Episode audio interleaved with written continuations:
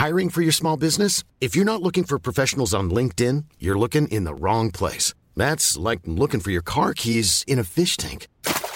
LinkedIn helps you hire professionals you can't find anywhere else, even those who aren't actively searching for a new job but might be open to the perfect role. In a given month, over 70% of LinkedIn users don't even visit other leading job sites. So start looking in the right place. With LinkedIn, you can hire professionals like a professional. Post your free job on linkedin.com slash people today.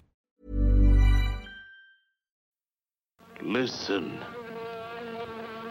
Do you hear? It's coming back. Turning the screen into a buzzing, crawling, creeping nightmare of terror.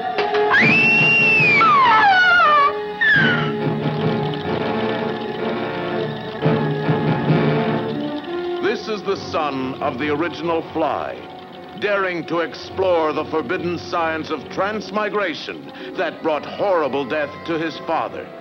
Fear that will fasten its choking grip on you as his weird experiments spawn the twisted monstrosities of a living hell. The Rat Man, whose hands and feet are changed to paws. The living corpse who rose from his coffin. And the return of the Fly, seeking revenge with a thousand eyes. Smashing anything that stands in his way. Suppose he does come here. What if Philippe does not have the mind of a human, but the murderous brain of the fly? Then he will have to be destroyed.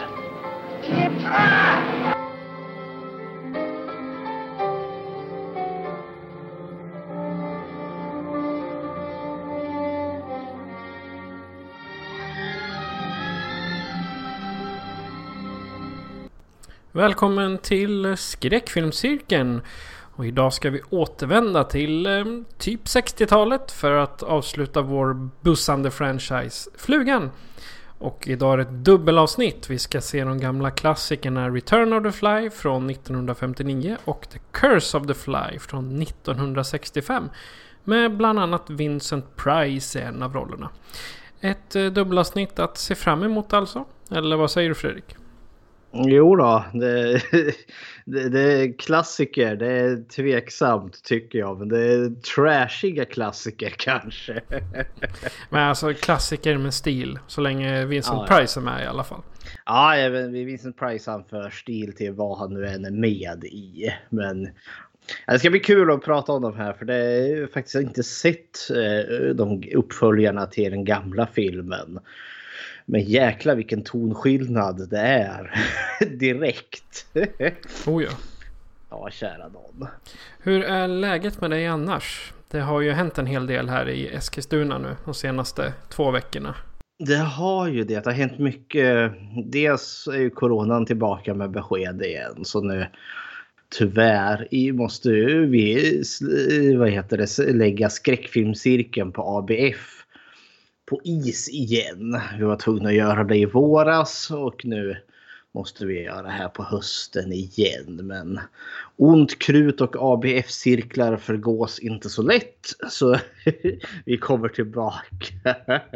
ja, sen kan man ju säga att cirkeln går ju inte under på det viset. För vi har ju haft våra träffar via Discord ett par gånger också. Ja, vi har ju det. Och jag menar man, man får göra det bästa av det. Mm. Sen har vi, händer det ju andra stora grejer i världen. Och det är ju att igår, åtminstone när vi spelar in, så igår så eh, fick, nåddes vi av beskedet att eh, Donald Trump har förlorat presidentvalet. Och det gjorde ju mig väldigt glad. Måste jag villigt erkänna.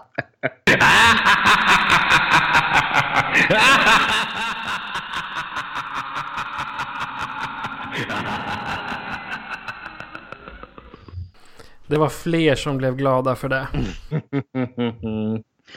Så det är lite ljusning i mörkret får man väl säga. Ja, sen får vi ju se hur, hur länge kaoset kommer före, för, förestå nu då när han eh, absolut inte vill lämna huset där. Jag, förväntar mig liksom några månader av totalt bitching and moaning. ja, fast det där det, det måste vara färdigt före den 14 december. För då ska ju elektorerna samlas och liksom officiellt säga ja nu blir Joe Biden president. Yay! Jag, jag vill dock tro att eh, han, han kommer att avlägsna sig fredligt. Men jäklar vad han kommer gnälla om det. Ja, Twitter-feeden lär vara full. Ja, så det, ja, hepp hepp. Men men, nu är det tack och godnatt. Så ja. är vi glada för det. Ja, precis. En, en sak till som jag vill nämna. Vi tar ju alltid upp kvinnlig rep representation i film i slutet mm -hmm. av de här.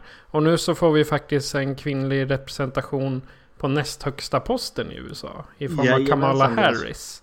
Ja, deras första kvinnliga vicepresident. Så det är ju värt att hylla också faktiskt. Ja, deras första men inte sista som hon sa själv. Garanterat inte. ja, hej hopp, hej hopp. Ja. Men det är läget i världen. Så jag tänkte mm vi, vi ska fly verkligheten och prata lite om vad vi har sett sen sist. Ja, gärna. Verkligheten suger skit just nu. Shoot!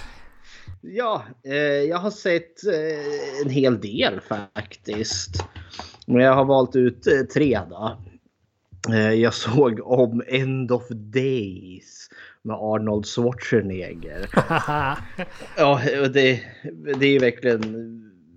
Ja, han spelar någon bitter gammal snut Eh, som har förlorat sin familj i någon hemsk eh, olycka.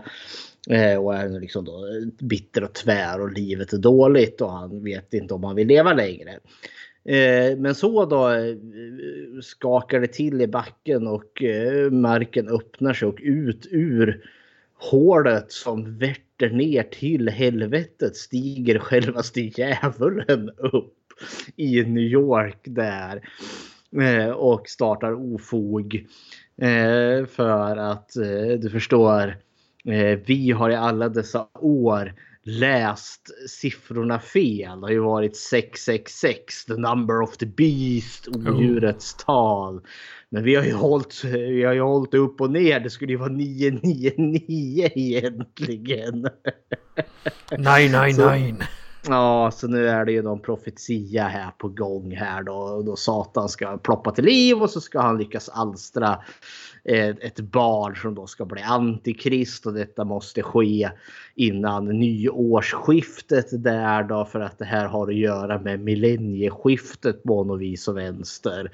Och om djävulen lyckas med det, ja då är det Harmageddon som står inför dörren. Jag sitter och himlar med ögonen här. Grejen, alltså, det kom så mycket sånt här tänker jag, alltså när millennieskiftet närmade sig. Vi hade ju tv-serien Millennium bland annat. Som också spann lite där på att det fanns liksom en annalkande domedag med tusenårsskiftet. Eh, och så tänker jag att det måste ha varit någon briljant människa som satt och skrev manus. Men tänk om! 666, man vänder på det. Då blir det ju 999! Oh! skrev man det här. Det, det som är så eh, fantastiskt med End of Days är just att de eh, kör den så jäkla seriöst. Det är liksom inte så här medvetet eh, tramsigt, liksom som att man skämtar lite med sig själv. Men i slutändan så jag kan inte göra något annat än att känna att det är liksom det är The Terminator versus Satan. Sant. det, det, men det, det, det, är lite guilty pleasure här för det är vansinnigt underhållande att se Arnold Schwarzenegger bara nita Satan rakt i ansiktet med sin jävla med sin näve där. Liksom bara boom. Alltså om inte annat så är ju han den ultimata satansmördaren. Ja. det... ja, men skulle Satan komma på jorden och då skulle jag väl skicka en yngre version av Arnold Schwarzenegger och spänna musklerna och You can't be here. Get to the chapa. Ja, ja kära Don. Nej men det, det har varit underhållande. Sen har jag haft lite, jag eh, lyckats införskaffa lite Arrow-filmer. Arrow, Arrow Video där. Och de har ju... De är så jävla dyra. Så jag brukar snoka runt här på lite Facebookgrupper när folk säljer ut sina begagnade. Så får man dem lite billigare och det är alltid något. Och jag är ju en slasher-entusiast och då såg jag att det var de som sålde då The Prey. Eh, releaseår 84. Men jag tror den är gjord typ 79. Och en sån där tidig tidig slasherfilm. Som faktiskt, eh, ja när den gjordes predatar fredagen den 13. Liksom den här eh, camping-slashen. Liksom ungdomarna som är ute och campar i skogen och så kommer det en galning med tillhyggen och hugger ihjäl folk. Det är ju liksom fredagen den 13. Men den här är ju faktiskt gjord året innan. Den är gjord 79 och fredagen är gjord 80. Eh, så eh, jag, var jättenyfiken på den här. Jag vet att den här The Hysteria Continues podden och deras hemsida The Hysteria Lives som fokuserar nästan uteslutande på slasherfilmer eh, har ju nämnt den här. Jag hade aldrig hört talas om den och inte känt till den om det inte vore för dem. Och ja, det var väl kul den här filmen men inte mycket mer. Du låter Kär... inte så, så värst nöjd med den. Nej, alltså det, det, är kul att ha sett den. Alltså, för jag förstod att han regissören, nu kommer jag inte ihåg vad han heter. Eh, för jag menar Arrow Video, de är alltså oftast knökfulla med extra material och massa lull-lull. Nej men det fick jag reda på att han regissören där, han hade väl gjort liksom pornografi eller så softcore porr och liksom eh, livnärt sig på det. Och han hade väl en önskan att ta sig ur eh, det, det liksom kategorin och liksom verkligen göra en spelfilm. Och då var det då The Prey var väl då hans första försök till det. Så, så vitt jag förstod så gick det ju bra. Han gör fortfarande porr än idag så vitt jag förstod. Ja men det är, väl en det är väl en lönsam bransch. Det är väl det. Nej, men det jag kan tycka är charmigt med det här är just att The Prey är, alltså det, det, det märks att det är låg budget. Det är liksom idelt okända människor för, för sin tid. Eh, och fortfarande skulle jag tro. Eh, och det märks också att han liksom, ja, han har gjort porr förr för liksom porr är inte sån handlingsdriven genre utav film. Så det märks liksom när han ska göra en spelfilm då är det liksom så här. Äh, det är, trä, det, är trä, det är ganska träigt, det är ganska långsamt något så in i Norden. Det är väldigt mycket så helbilds, eh, helbilder på folk som sitter vid en camping och så pratar alla i munnen samtidigt. Man känner nej, någon sitter och berättar en spökberättelse, vilket brukar vara ganska så symptomatiskt för de här camping slasher filmerna. I, här i den här skogen så dog en familj för hundra år sedan men ingen visste vad. Och på den här natten hände det. Ah, det är nästan lite som uh, The Night Before Easter. När de hade den så kallade festen och de stod en bunt och bara... Ja, ja men eh, precis så. Eh, fast med lite bättre kamera i den ja. faktiskt. Men och, och, samtidigt så är det en annan karaktär som sitter och pratar om liksom hennes smink och en annan sitter och pratar om vad de ska göra på skolan när sommarlovet har tagit slut och liksom bara bla bla bla bla bla allt går i ett. Så det känns som att manuset kanske, de hade inget direkt vettigt alltså, talmanus utan jag tror skådespelarna fick improvisera vansinnigt mycket. Men plotten är ju då liksom att ett gäng ungdomar ska ut och campa i en eh, mörk burrig tallskog någonstans i Amerika. Eh, och för några, för typ 15 år sedan så var det en förfärlig skogsbrand Eh, som typ förstörde majoriteten av skogen och då fanns det en romsk familj eller ett romskt läger eh, där i skogen och de vart ju då innebrända varenda en. Eh, men skogvaktaren, den äldre som håller nu på att lämna över facklan till en yngre berättar att han var ju där och såg liksom, vad så, när de hämtade liken. Och då tyckte han sig att han såg någonting som rörde sig i skogen. Men han tyckte såg ut som en pojke som var bränd bortom vett och sans. Som bara sprang in i buskaget och försvann. Men så tänkte jag nej han måste ha sett fel. Men det gjorde han ju inte för nu 15 år senare har den där pojken vuxit upp och blivit enorm i storleken såklart. Dum, dum, dum. ja, och taglinen är nästan det bästa med hela den här filmen. The Prey. It is not human and it got an axe. den är inte mänsklig och den har en yxa. Åh nej! Aj, aj, aj. Ja, och den där yxan används i inledningsmordet och sen aldrig mer. Ja, ja. Så där, nej men vad nu då? Uh, för det är liksom, det finns en bra slasherfilm här. Det är bara det liksom att den är så mördande långsam. Eh, och det är verkligen liksom, han vet inte hur han bygger spänning men plötsligt när mördaren får komma in och göra liksom, börja terrorisera dem. Ja, då, då, då är det briljant. Det är precis det jag vill ha i en slasherfilm.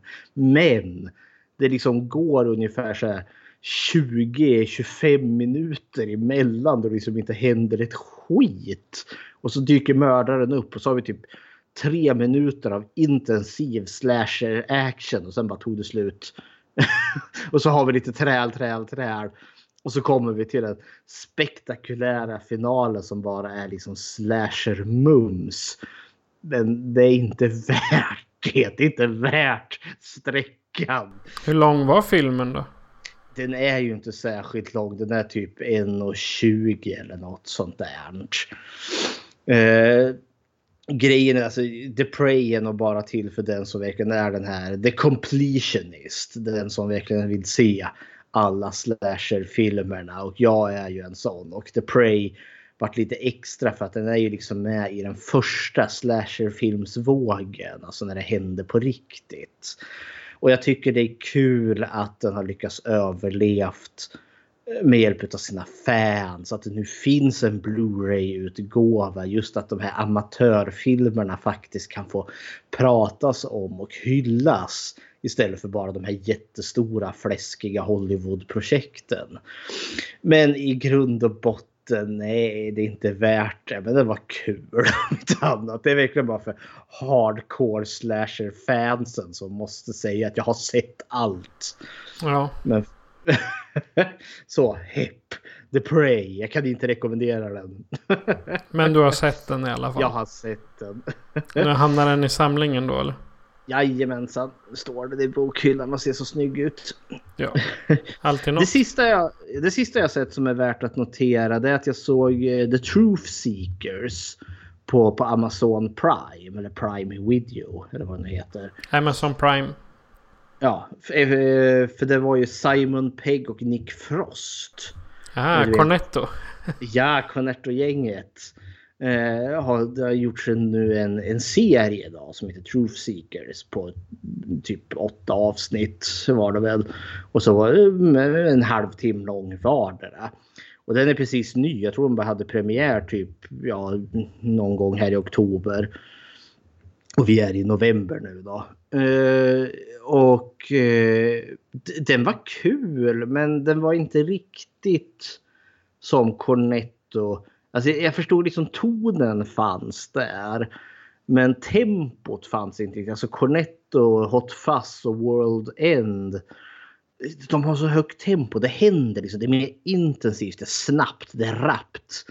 Medans eh, Truth Seekers var lite mer sävlig. Det, liksom, det, hände, det hände mycket men samtidigt liksom eh, så liksom fick serien liksom lunka på i sin lilla takt. Eh, Men plotten i den är ju då att Nick Frost spelar, vad är det, eh, Eng Storbritanniens bästa wifi-reparatör. För ett bolag som heter Smiley. Eh, Eftersom att du vet wifi-loggorna det ser ut som små smiley, eh, alltså munnar som man lägger ovanpå varandra. Ja, Eh, och han är det bästa som företaget har och det är Simon Pegg spelar chefen för det här företaget, Smiley. Eh, men Nick Frost har ju då eh, han har ju då en podd, nej han har en Youtube-kanal som då heter The Truth Seeker där han har då spenderat 15 år av sitt liv med att leta spöken och annat övernaturligt. Det låter ju som något som skulle göra narr av alla dessa 5G-konspirationer. Ja, det, det, finns en liten koppling för det finns en galen sekt där då som har behov av att wifi-nätet går ner för att kunna kontakta andevärlden. wifi Wifi fyller en funktion att skydda oss mot övernaturligt ondska. Ungefär som eh, elledningarna håller isär trollklanerna i Trolljägaren. Jajamensan. Nej men eh, kort historia, lång historia kort. Alltså han har letat spöken men inte sett dem. Så får han en ny kollega och en tafatt kille som heter Elton John. det är väl liksom en, eh, liksom en mörkhyad knubbig kille som är väldigt introvert och bara vill vara i fred. Men så åker de då på deras första hotell då som är ett sätt. Uh, ja, nej, ja, jo, men på deras, deras första besök då, då, träffar de ett spöke på riktigt. Och så bara spårar det ur. Det är spöken till höger och till vänster och överallt. Och så kommer det in en galen kult där då. Så där sektledaren har fått för sig att han ska göra någon ritual här då, så att han kan få evigt liv. Vilket involverar att en jäkla massa människor måste ta livet av sig. Så hepp Eh, så, så det händer ju en hel del. Men det jag gillade med den här var att den, liksom, den, den fokuserar verkligen på karaktärerna. För det är, liksom, det, det, det är tjocka, det är medelålders, det är introverta, det är människor som har ganska jobbigt i bagaget. Vi har en tjej som har väldigt kraftig torgskräck. Och hon liksom klarar inte av att umgås med folk och samtidigt vill hon ju så gärna det men är så handikappad utav sitt, eh, ja, sina besvär. Och jag gillar liksom att eh, man tog det här på allvar. Man gör liksom aldrig narr utav eh, karaktärernas eh, åkommor. För de är väldigt lätta att känna igen. Liksom som jag tror många liksom kan ha det här att jag kanske blir lite fast hemma. Eller jag har det här mår jag dåligt och jag törs inte prata om det. Så det, den hade ett förvånansvärt djup till sig. Och så lägger du på liksom spöken och domedagskulter på det. Alltså. Men den hade inte samma höga tempo som säg Hot Fuzz eller Shaun of the Dead. Så den var lite mer betydligt långsammare. Men jag tyckte den var trevlig. Lite djupare kanske? Ja, och väldigt ojämn. För först tänkte jag liksom, ja men Hot Fuzz och Shaun of the Dead, de är ganska blodiga de filmerna. Så jag tänkte liksom på tempot det här. Ja, men det här kanske är lite mer barnvänligt. Man har liksom tonat ner våldet. Liksom, ja, så kommer det något avsnitt och bara huvuden exploderar och hjärnsubstansen bara sprutar på väggen. Bara, Oj! Jaha, nej, vi är kanske inte riktigt där heller. Så den, den är lite ojämn vill jag påstå. Men den var väldigt charmig. Men tar det till liksom en det är inte på samma nivå som Cornetto-trilogin. Men det är liksom lite i samma anda fast lite långsammare tempo till det. Men det var väl värd att se. Det är vad jag har sett. Japp, eh, jag har eh, tittat på Shutter Island. Oh, igen. Det, Ja, det, med Leonardo DiCaprio. Ja, precis. Eh, han, eh, nu är den här, den här är en riktig twistfilm. Men han spelar alltså polis som åker till en ö likt Alcatraz då. Mm -hmm. Fast det är mentalsjuka istället för brottslingar. Mm -hmm. Och där så ska han utreda ett försvinnande eller flera försvinnanden. Och det, man, det ingår bland annat en grotta, en fyr, en ond föreståndare. Eh, flera mordfall som han tror. Och så blir det en liten twist när det visar sig att han har varit med sin mentalvårdare på fastlandet. Och i själva verket är det han som är inlåst. Spoiler! Ja, precis. Nu är det här det en gammal film. Den har typ början på 2000-talet. Så den här den, den speglar verkligen psykisk ohälsa ganska bra. Han Mm. lever väldigt mycket i sin egen verklighet. Och jag menar, det slutar ju med att de lyckas få in honom i en cell. För att han blir blöt. Hans så kallade polisjacka blir blöt. Så då får han låna en, en eh, patienttröja. Och ja, så hamnar han där och så säger han Men jag är polis. Ni, ni kan inte låsa in mig här. Jag måste tillbaka. Du är inte polis, säger han. Du är faktiskt intagen här. Och så går det ju upp för honom sen efter ett tag då att, ja just det. Då har han haft någon sån här psykos eller någonting och så kommit på att, ja ja, nej jag måste utreda det här. Mm. Men eh, den är, det är ju inte den bästa filmen som finns men det räcker för att döda ett, en, en och en halv timme. Och sånt där. Mhm. Ja, och sen har det kommit på Amazon Prime en ny serie. Mhm. Som heter The Walking Dead, The World Beyond. Är det liksom den tredje, eller nej, andra spin-off? Ja, det är en, eh, Ja, det är, en, det är en typ som en annan spin-off. Och det här är ju en bra bit in eh, på själva apokalypsen. Om jag förstår det rätt så är det en skola där man har samlat in ungdomar runt om som liksom har varit ute och strövat efter att de förlorat allt. Och på skolan så får de lära sig hur de ska överleva, vad de ska göra om de möter en zombie. Och jag, jag vill inte spoila så mycket för den är, men jag kan säga att den är jäkligt bra. Mm. Och i det här fallet så är det inte zombiesarna som är fokus utan det är de ungdomarna som, eh, som det handlar om. Det är de det är fokus. Och ingen är ju över... Alla är väl under 25 Mhm. här. Så det är ju inte någon gammal gubbe som eh, leder alla. Eller en eh, äldre dam. Jag tänker som i The Walking Dead, där har du Rick. Han är väl i 40-årsåldern kanske. Och i Fear the Walking Dead, där har du Allison. In, Mm. i nästan hela, hon är ju också i 40-50-årsåldern där. Mhm. Så att, eh, men den, den är, jag vill inte spoila så mycket för den är ganska ny. Men jag rekommenderar det starkt. För eh, oss eh, zombieälskare. Yes. Det var vad vi har sett. Men jag tänkte vi behöver egentligen inte säga så mycket mer än att eh, gå till filmen Flugans återkomst tror jag den heter på svenska. Eller Return, Return of the Fly från 1959. Så att här kommer en trailer. Listen. Do you hear? It's coming back. Turning the screen into a buzzing, crawling, creeping nightmare of terror.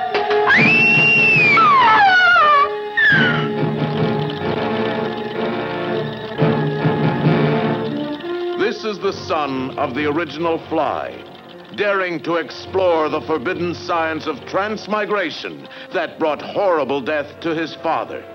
You look as if you've just seen a ghost, old man. It was the fly.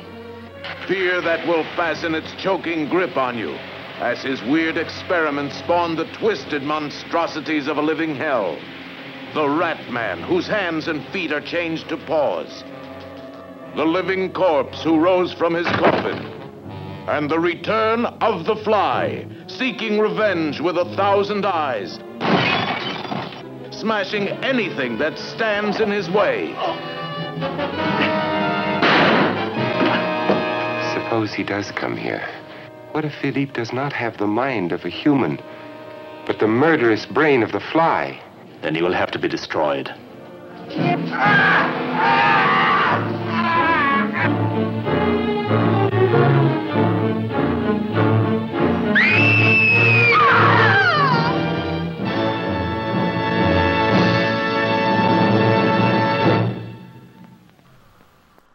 The boundaries of science are pushed to their very limits in this sequel to the classic ever popular The Fly. Here, Philippe, the son of the ill fated scientist, naively continues his father's misguided experiments. Tyvärr så hittar jag inte en svensk plott till den där. Alla var på engelska. Det är alltså plotten till flugan, eller The Return of the Fly. Att det, Svenska, flugan kommer tillbaka stod det. Så jag tänkte vi, vi, jag föredrar att använda The Return of the Fly i namn. Från 1959. Vad är dina initiala tankar? Ja, eh, jag hade faktiskt aldrig sett varken Return of the Fly eller Curse of the Fly förrän vi skulle göra det här poddavsnittet. Och eh, jag, jag tycker ju första filmen, The Fly, är faktiskt en genuint bra film. Eh, och det här känns verkligen... Alltså det, det, lågbudget uppföljare för att casha in på den monumentala succé som var den första filmen. Den har en charm till sig helt klart. Men det känns som ett rejält steg ner. Och det är liksom verkligen in i det här ja, 50-talets, fast den här är ju nästan 60 då. Men liksom, det, det känns som det här liksom eh, 50-talets monsterfilmer. Liksom Cyan Gone Bad. Och liksom, ah. Men samtidigt hade den mycket charmiga karaktärer till sig. Eh, som eh, underhöll mig ganska rejält. Men i slutändan så är det en ganska ja, paint by numbers eh, uppföljare. Som inte håller sig alls på samma nivå som första filmen. Men ja, ja kul. det är mina initiala tankar till The Return of the Fly. Ja, Return of the Fly tycker jag är den typen av uppföljare som kan, som jag tycker är underhållande. Mhm. Så länge man inte jämför den med originalet. För det går inte. Jag skulle kunna säga att det är en film, precis som du sa, det är en film absolut anpassad för att casha in på tidigare filmer. Och i första filmen kan man i stort sett bortse från bristen på vetenskapligt babbel tack vare regi och manus. I Return of the Fly så är det raka motsatsen. Där kan man bortse från manus till fördel för det vetenskapliga babblet som jag tycker eh, är eh, väldigt realistiskt. Eh, Man kan säga att det är samma mönster men dubbelt upp med tråkig dialog. Det enda som jag egentligen tycker är riktigt bra det är hur den karaktären François som Vincent levererar. Mhm. Det är typ vad jag tycker är bra med flugan och mina in initiala tankar. Härligt. Ja, ingen av oss är direkt jätteimponerade då, tolkar jag det som. Nej, inte direkt. eh, ja, men vi kör väl som vi brukar göra då. Lite karaktärer, platsen och hotet. Ja. Eh, vi kan väl börja med karaktärerna. Om vi Mhm. säger François Delambre eller Vincent Price själv. Vad är dina tankar? Han är en, eh, han, han är en fröjd. Han, liksom, Vincent Price klarar av att alltid leverera. Eh, även om man nu är i en ganska tafatt film. Eh, det, det är lite som eh, Christopher Lee eh, ska ha sagt liksom att eh, alla, alla skådespelare måste någon gång liksom spela med i en dålig film. Eh, på er, eh, tricket är att bara inte vara dålig i den filmen. Eh, och det känner jag liksom att Vincent Price han levererar trots allt. Så jag har liksom sett filmer där det känns som att skådespelaren bara är där för att han har fått en, eh, han ska få en lönecheck och är så, är så jäkla ointresserad att vara med i filmen så han kan knappt skådespela. Eh, bara liksom säger plikttroget sina, sina repliker och sen går och sätter sig i husvagnen eller i trailern och sitter där och är sur. Eh, och det kan jag inte säga med Vincent Price. Han levererar sin Frans... Frans vad fan heter han nu? François. François med liksom, ja men eh, och det, det, liksom, det, det känns som att det är samma karaktär som i förra filmen.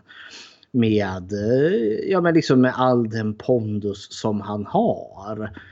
Eh, och han gör det liksom trivsamt och trevligt men liksom här spelar han ju, ja, eh, farbrorn som lite motvilligt dras med i att eh, sätta liv i sin fars, eh, nej inte sin fars, sin brors eh, gamla eh, laboratorieexperiment när sonen där har fått för sig att nu ska jag jäkla mig sätta liv i det här igen.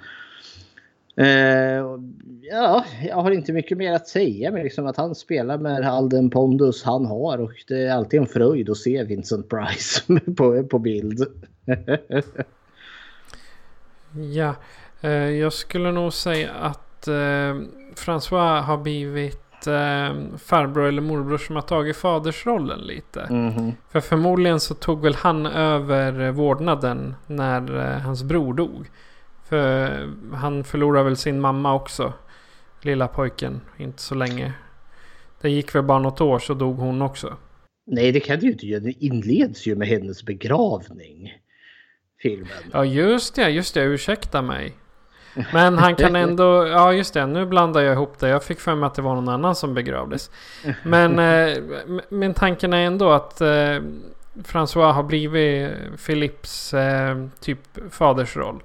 Typ ja. som pappa liksom. För att med de...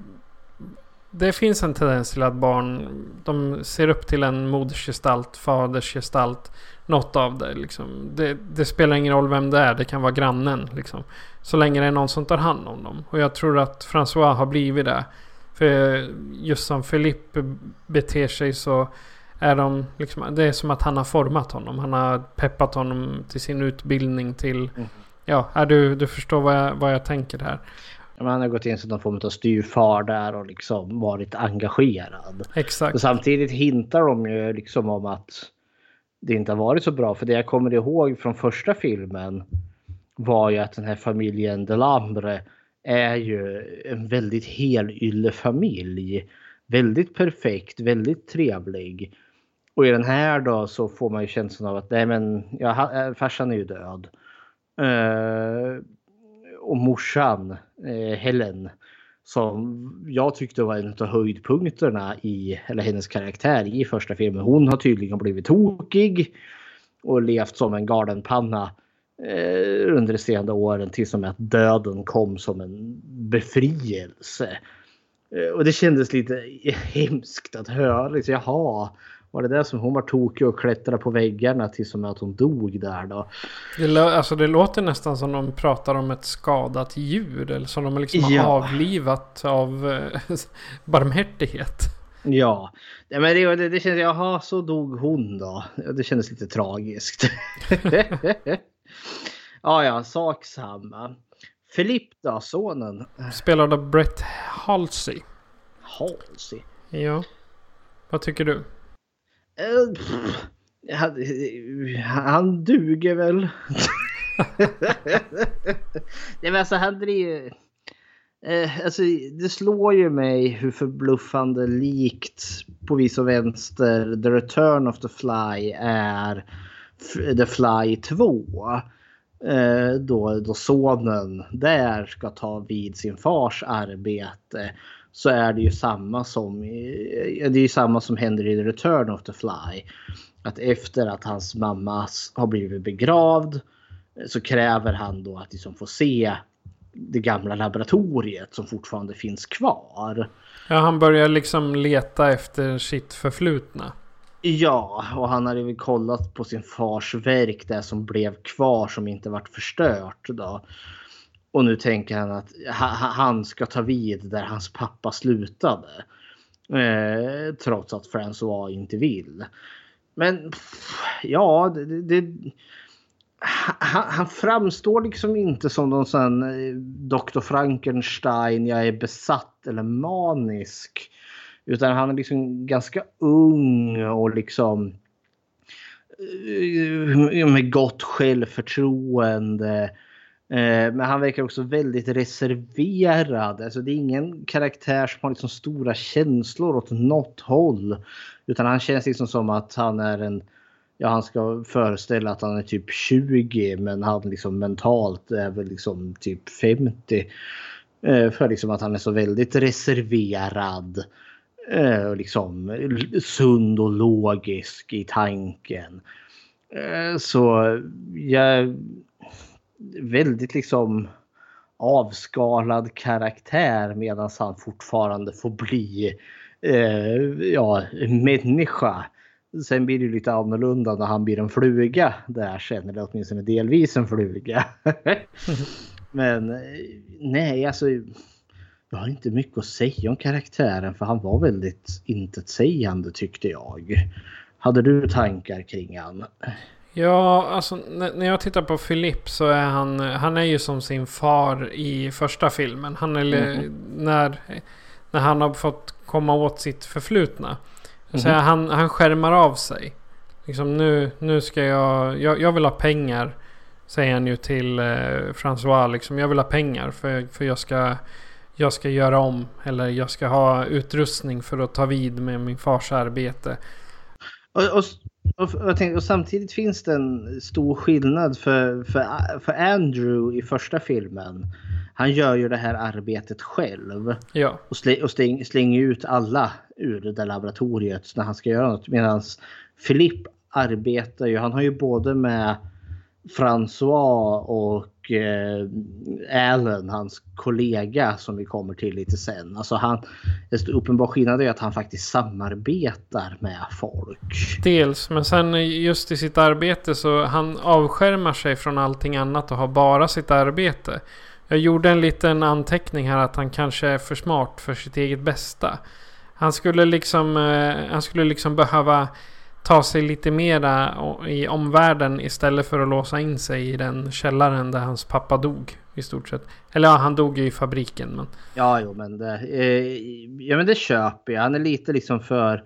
Har liksom spenderat hela sitt liv med, med, med näsan i, i, i skolböcker i akademiska världen och liksom försöker eh, bevisa, eh, ja, gå i pappas fotspår vare sig han vill det eller inte.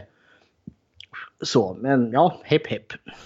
Ja, och sen har vi då eh, Alex Mines eller som han egentligen heter Ronald Holmes. Som mm. spelas av David Frankham. Vad tycker du om honom? Han var en rolig karaktär. Han är ju assistenten till Philip.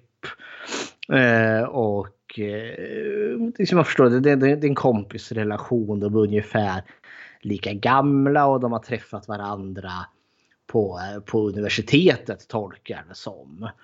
Eh, och liksom nu vill liksom, det, det, är två liksom briljanta människor som ska liksom få de här teleportörerna att fungera. Men det är ju en twist med honom. Han är ju elakingen. Han är ju han är en skummis. Ja, indu, industrispion står det på, eh, på IMDB. Hans karaktär. Ja. Ja, jo, men det, man förstår ju sen att han har ju rymt från eh, England. Han har ju mördat någon där. Och så har han pipit över till Amerika här nu och nu har han insatt att den här Filipp, han är någonting stort på spåren. Så där finns det pengar att göra. Men han är härligt liksom slemmig och han är liksom slug och han ljuger som hästar galopperar. Och jag vet inte, för för jag upplever liksom att alltså mycket av filmen händer ju tack vare den här karaktären. Eh, för det liksom, han mördar ju någon polis och han försöker mörka det hela och man liksom får se liksom allt eh, hur han håller på och krånglar och har sig. Och det var ganska kul att se. Och det kändes också väldigt Hitchcockianskt liksom att vi får följa den kriminelle och hans liksom försök till att eh, ja, undslippa sina brott. Och sen var det just att han, eh, han, han har ett visst sätt att bete sig. Han känns som en kameleont. Han kan liksom byta ansikte och han kan liksom snacka snyggt och så. Men sen när han träffar den här hälaren Eh, då är det något helt annat liksom, tonläge, liksom en helt annan jargong. Och det känns som att han liksom kan eh, hoppa in och ut ur de här rollerna efter behov tills och med att det inte längre går. Eh, då han liksom har målat in sitt hörn och inte kan ta sig ut ur sina lögner.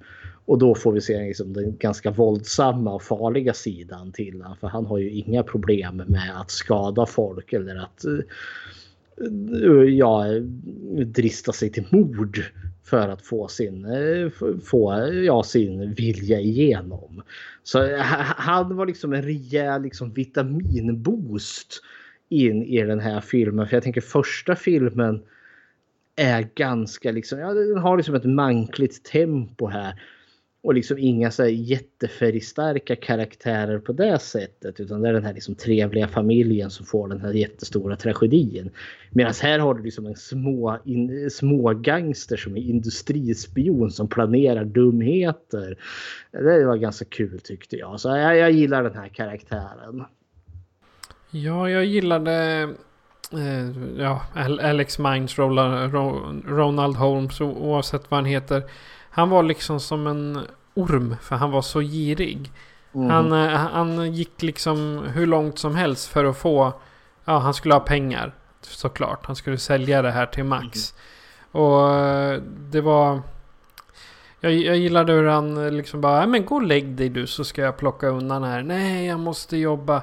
Snälla du, gå och lägg dig. Du ser jättetrött ut. Så tar jag hand om det här.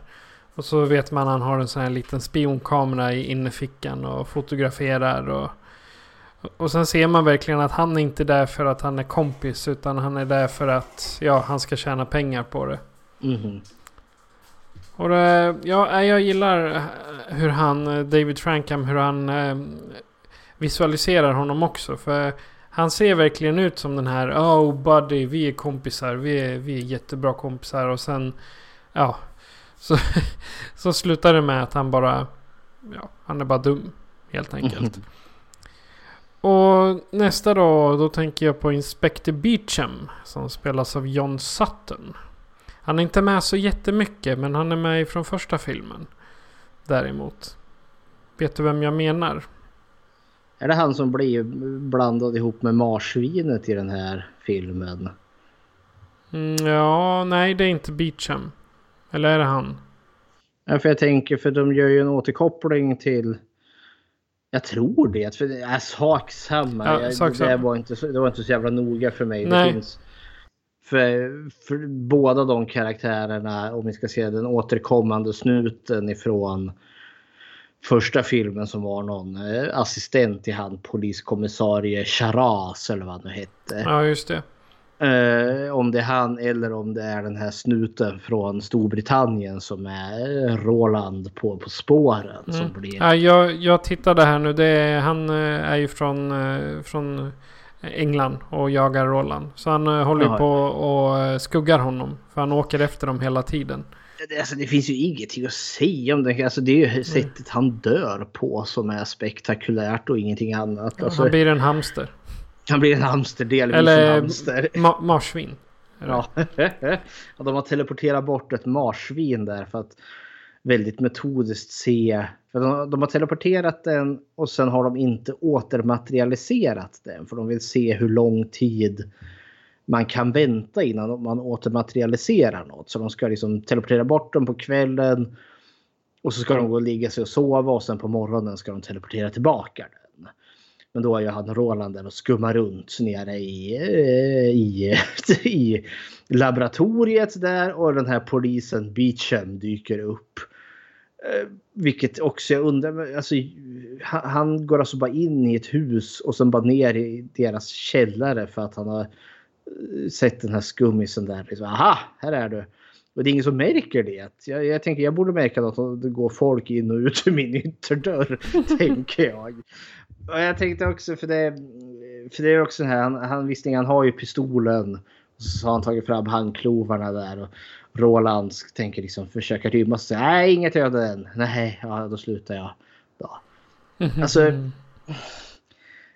det, det leder till ett problem också för Roland får ju övertaget och slår ihjäl med en skiftnyckel. Alltså varför liksom inte bara brotta ner han när det har dykt upp han bakifrån och du vet att han är dömd för mord sedan tidigare bedömd som en farlig brottsling. Han sitter ju liksom på en kontorsstol. Är det liksom inte bara upp med händerna för han kommer ändå så bakifrån och sen liksom bara fram med handklovarna. Liksom tryck ner han över skrivbordet och sen bara klova fast han. Istället liksom, ja nu reser du dig upp och så är det inga dumheter här tack. Nej då. Ja, litar vi på heder och samvete här. Nej, och så går det ju som det går.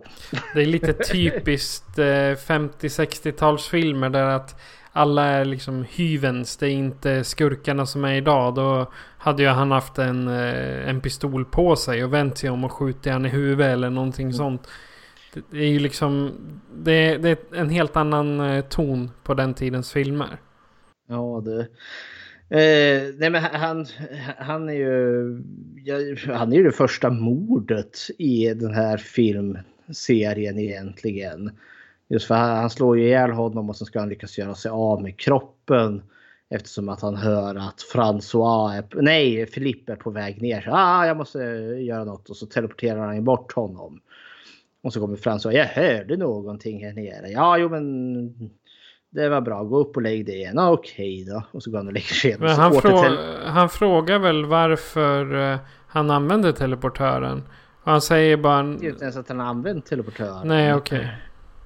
Eh, för han är bara där och gör lite extra arbete där. Ja men det låter trovärdigt klockan två på natten. Så det, det köper vi. Det är ett annat problem jag hade med den här filmen. Jag hängde inte riktigt med vad, vad som var dag och vad som var natt. För det var samma... Det var liksom... för- jag vet i tidigare svartvita så har det varit lite mörkare på natten och lite ljusare på dagen. Jo. Men nu så var det liksom samma ljus hela tiden. Ja. Nej men så återteleporterar han ju honom och så kommer han ju tillbaka med, vad är det, med hamsterhänder och hamsterfötter. Eller marsvinshänder och fötter. Ja, och marsvinen kommer tillbaka med människohänder. Ja, och sen eh, ja, dödar han marsvinet och så gör han sig av med kroppen där. Och det är då den här, hans hälare, Max heter väl den karaktären. Ja, han heter Max Barthold och spelas av Dan Seymour. För det var också en karaktär jag tyckte om. För då förstod man att det här är en skummis. Han introduceras han, eh, på ett eh, begravningsbyrå. Han har någon sån här eh, ja, fonusliknande verksamhet som då vi förstår fungerar som någon front för hans kriminella verksamhet. Ja. Och han är, liksom, han är lite större, lite kraftigare, alltså överviktig den här karln. Han sitter där och håller på att äta en krabba tror jag. Och han har sitt bakåtslickat hår och liksom liksom, man förstår att eh, det här är liksom en erfaren kriminell men som också är så här falsk som vatten. Liksom han, eh, och jag gillar ordväxlingen han och Roland har där de liksom konstant liksom förolämpar varandra och liksom dolt mordhotar varandra hela tiden fast med liksom en väldigt charmig liksom ton till det hela. Liksom, ja, ni... Nej men... Eh, hade du några tankar om den eh, hälaren Max? Alltså, för vid, vid första åsynen av honom så tänkte jag fasen han är maffiaboss. Men Det tänkte jag också. Ja, men det, för han hade liksom den här typ gudfadern, en stor hydda, sitter och äter lyxmat och sen att han har en så pass bra verksamhet för att tvätta pengar som en eh, begravningsbyrå. Det tycker jag, det, det var liksom, jag, jag fick nästan lite gudfadern-känsla där. Men han var ju bara någon småhälare som, ja, han var bara otrevlig tycker jag. Ja, för han skulle vara den som ska fixa kontakterna för Roland ska liksom lura, alltså ja med industrispionaget här då. Liksom. Han vill ju sälja ritningarna. Ja. Eh, och Max ska vara den som liksom eh, ja, eh, skickar ut tentaklerna och ser vilka som är intresserade. Ja. Eh, nästa karaktär har jag skrivit Sergeant Dubois. Eller Richard Flato. Och det är polisen som hänger vid... Ja, i stort sett hela tiden. Det är han som tar sig an det här svåra fallet. Eller de här konstiga händelserna med mord och... Men är det inte han som eh, Vincent Price sen vill kalla tillbaka för att eh, ha- han var med när första flugan hände.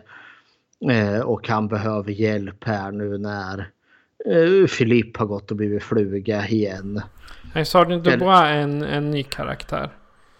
Jaha okej då. Ja, då betyder ingenting, kommer inte ihåg det. Lämnar inget intryck alls. Nej, okej. Jag ska titta vad, vad, den, vad den första polisen heter. Eh, han heter eh, Inspector Karas. Det är han Nej, som det, är den nej, återkommande. det är, inte, det är inte Inspector Charas. För Inspector Charas dyker upp i eh, Curse of the Fly. Nej, här men han som var- är, han är med i... Det är han som eh, eh, kastar stenen på flugan i slutet av första Ja, det flugan. men han var väl inte med i Return of the Fly? Utan det var ju assistenten till honom. Ja, precis. Typ. Det var, ja, det var det jag me- menade. Han, eh, Sergeant Dubois, han har inte varit med i den första flugan. Utan det är en ny, Nej, nej. det är en ny karaktär Ja, ja, helt. men det, det finns lite för mycket så, sidokaraktärer som bara är till för att pff, fylla ut filmen och för att försöka få liksom, de logiska luckorna att gå Ja, ihop. Precis. Alla dessa poliskaraktärer, ja de är bara slentrianmässiga poliskaraktärer. Ja, På tal om intetsägande karaktärer kan vi ju tala om enda kvinnor som finns i den här. Cecile eller Danielle Dumetz. Som är eh, Philips fru. Eller flickvän, jag vet inte om de är gifta än. Nej, de, de, de ska gifta sig inom kort tror jag. Och sen eh, Mademoiselle Bonnard. Eller Janine Grandel. Hon är... Ska man kalla det? Ja, husfru har jag Ja. döpt det till. Eh, och eh, ja, Cecile har ju en liten... eh, En liten instick. Alltså hon är den här lilla... säga, Bimbon kanske? hon, är det skrikande våpet. Ja, det det är värdelösa våpet. som, som, eh, hon är till för att vara vacker Och skrika. Och skrika. Så fort det händer någonting läskigt så skriker hon och svimmar hon. Ja. Eh, och jag kände liksom wow vilken otacksam roll. För jag, alltså kontra till första filmen. Då du med, med Helen. eh, Som får en sån väldigt drivande roll. Alltså jag, du vet. eh, Det kändes ju- för mig fick jag en liten tankeställare just för att man brukar ju snacka om final girls i skräckfilmer och det är ett lite senare påfund. Just att det, är, att det är kvinnan som blir ensam kvar och måste ta striden mot mördaren eller monstret. Och att första flugan från 58 vart lite så eftersom att Helen får ta sån stor roll där i, i efter olyckan med teleportören. Här lyser ju kvinnorna med sin frånvaro. Det är liksom männen som handlar, det är männen som är aktiva. Och man har gått och blivit, eh, ja men det, kvinnan finns med som att vara en vacker bakgrundsfigur. eh, Som kan eventuellt då bli hotad utav eh, hotet som finns. Och är fullständigt jävla oduglig i precis allting. Och den jäkla nedköp utav liksom ja, kvinnlig representation. Jag kommer ihåg att jag ifrågasatte liksom könsrollerna i, i första flugan. Men gode gud vad första flugan är att föredra före den här filmens kvinnor. Men här har de liksom bara, de har klippt bort det som heter eh, kvinnliga roller liksom och bara du vet när man suddar ut och man har ritat ojämnt. Då, är liksom, då har de suddat ut det där ojämna som de anser och det där ojämna har råkat vara kvinnor. Som är, gör, ändrar lite deras eh, tidslinje eller vad de nu vill, vad man nu ska kalla det. För de har ju verkligen ingenting att göra, varken ut, någon av de här. Alltså de blir liksom inte involverade i handlingsförloppet och påverkar inte alls. Jag menar det fanns ju till och med en husfru i första filmen. Och hon fick liksom en som var delaktig och fick liksom en karaktär. Eh, och liksom var delaktig när de letar efter den där flugan med det där vita huvudet. Här är alltså kvinnorna, man skulle lika gärna kunna utelämna dem. De tillför inte något i filmen mer än att de ska vara vackra ansikten. Och tillföra lite hysteriska kvinnoskrik. Exakt. De skulle Så- lika gärna kunna vara bara såna här statistkaraktärer som Ja. liksom går, går förbi i stort sett. Ja men de har ju stort sett ingen dialog heller. Liksom Cecile när hon introduceras. Så kommer jag liksom, hon hade någon replik liksom, om, när de träffades som barn. Han och, eh, eller hon och Philipp. Man förstod lite att åh, så uppstod det känslor där någonstans. Ja, de Så- lekte tillsammans. Och... Ja, och så kastade han typ sand på henne och så sitter hon där som en trudel liten barn. Jag ska ta sand på mig. Mi, mi, mi, mi, mi, mi. Och jag kände wow. Hur många gånger ska du dra upp det? Ja, nej, men alltså just att man porträtterar henne liksom som att hon hon, hon framställs liksom som ett barn nästan. Inte som en vuxen kvinna med, med egen agenda, liksom med, med egna känslor. Utan det är liksom, ja hon är vacker och lite oskuldsfull. Och liksom, ja. Medan Helen från, från första filmen är ju liksom, även om hon nu var någon form av hemmafru, så är hon ju ändå som karaktär. Det kan jag inte säga att eh, Cecile är. Och Madame eh, Bonnard är också. Det är visserligen en, hon ska ju spela en mindre karaktär liksom som husfrun där då. Men hon är ju ett, hon är ett litet komiskt inslag också. För det är ju ett... När de säger åt henne att eh, stal the polis. Så står hon där och pratar franska och låtsas att inte förstå vad de säger. Ja. Men det är enda gången de faktiskt fick någonting att göra liksom att kunna tillföra någonting till handlingen. Och det var ju inte effektivt. För polisen går ju bara in ändå. Hon står där bara merci beaucoup och de bara nej. Ja. Nu går jag in i källaren direkt. Ja. Trampeli trampeli tramp. Vi skiter i dig. Men det är väl karaktärerna i stort. Ja, karaktärerna som är någonting att nämna. Ja. Eh, platsen då? Jag har skrivit att vi har två centrala platser. Och det mm. är dels labbet. Och sen har vi Delambre Mansion som de säger. Alltså det vill säga eh, huset och om, omkringområdet. Sen är ja. de ju i och för sig på begravningsbyrån och utomhus lite då och då. Men jag tycker inte det får tillräckligt mycket plats och händelser för att de ska räknas som en, liksom en plats att prata om. Alltså det är ju majoritet det där jäkla eh, huset och eh, laboratoriet i källaren. Det är ju där liksom jag skulle säga typ 80% av filmen utspelar sig. Eh, och det är inte minnesvärt heller tycker jag. Alltså för laboratoriet i, i första filmen är ändå så alltså, det sticker ut på något vis och vänster. Det är kanske för att jag redan har sett det för det är en återanvändning utav laboratoriet från första fast mindre effektfullt. Jag vet inte varför. Det känns plastigt. Det känns väldigt kulissigt. Men det är ju också för att det här är längre fram och jag, jag skrev upp det här när de är i labb att det är mera high tech. Mm. Det är flera, skru, flera skruvar, flera lampor, mm. större, större telepods eller vad man ska kalla det. Och det är ändå liksom, ja så har de snyggare, snyggare glasögon när det händer. Det måste ja, jag säga, det är awesome. ja, men det är lite kul för de är ganska liksom bra med återkopplingen till alltså hur telepodsen ser ut och liksom hur de låter och liksom all teknik. Och jag kommer när man får se det trashade laboratoriet i början var det en jättekul återkoppling. För då fick vi till och med se den här whiteboardtavlan som han skrev på Andrew innan, liksom hans sista meddelande innan de, han går och tar livet av sig. Det tyckte jag var kul. Men grejen är att det känns, det känns artificiellt. Det känns liksom nästan... Det, det känns verkligen att det är en kuliss. Eh, och sen... Och det är ganska tråkigt tyvärr. Sen är det ju liksom precis det här som säger alltså begravningsbyrån. Den är ju mest bara där för när han väl har gått och blivit flugmonstret. Ja. Eh, så är han ju där och ska hämnas ihjäl eh, Max och Roland där. Vilket han gör. Eh, har ihjäl dem båda två.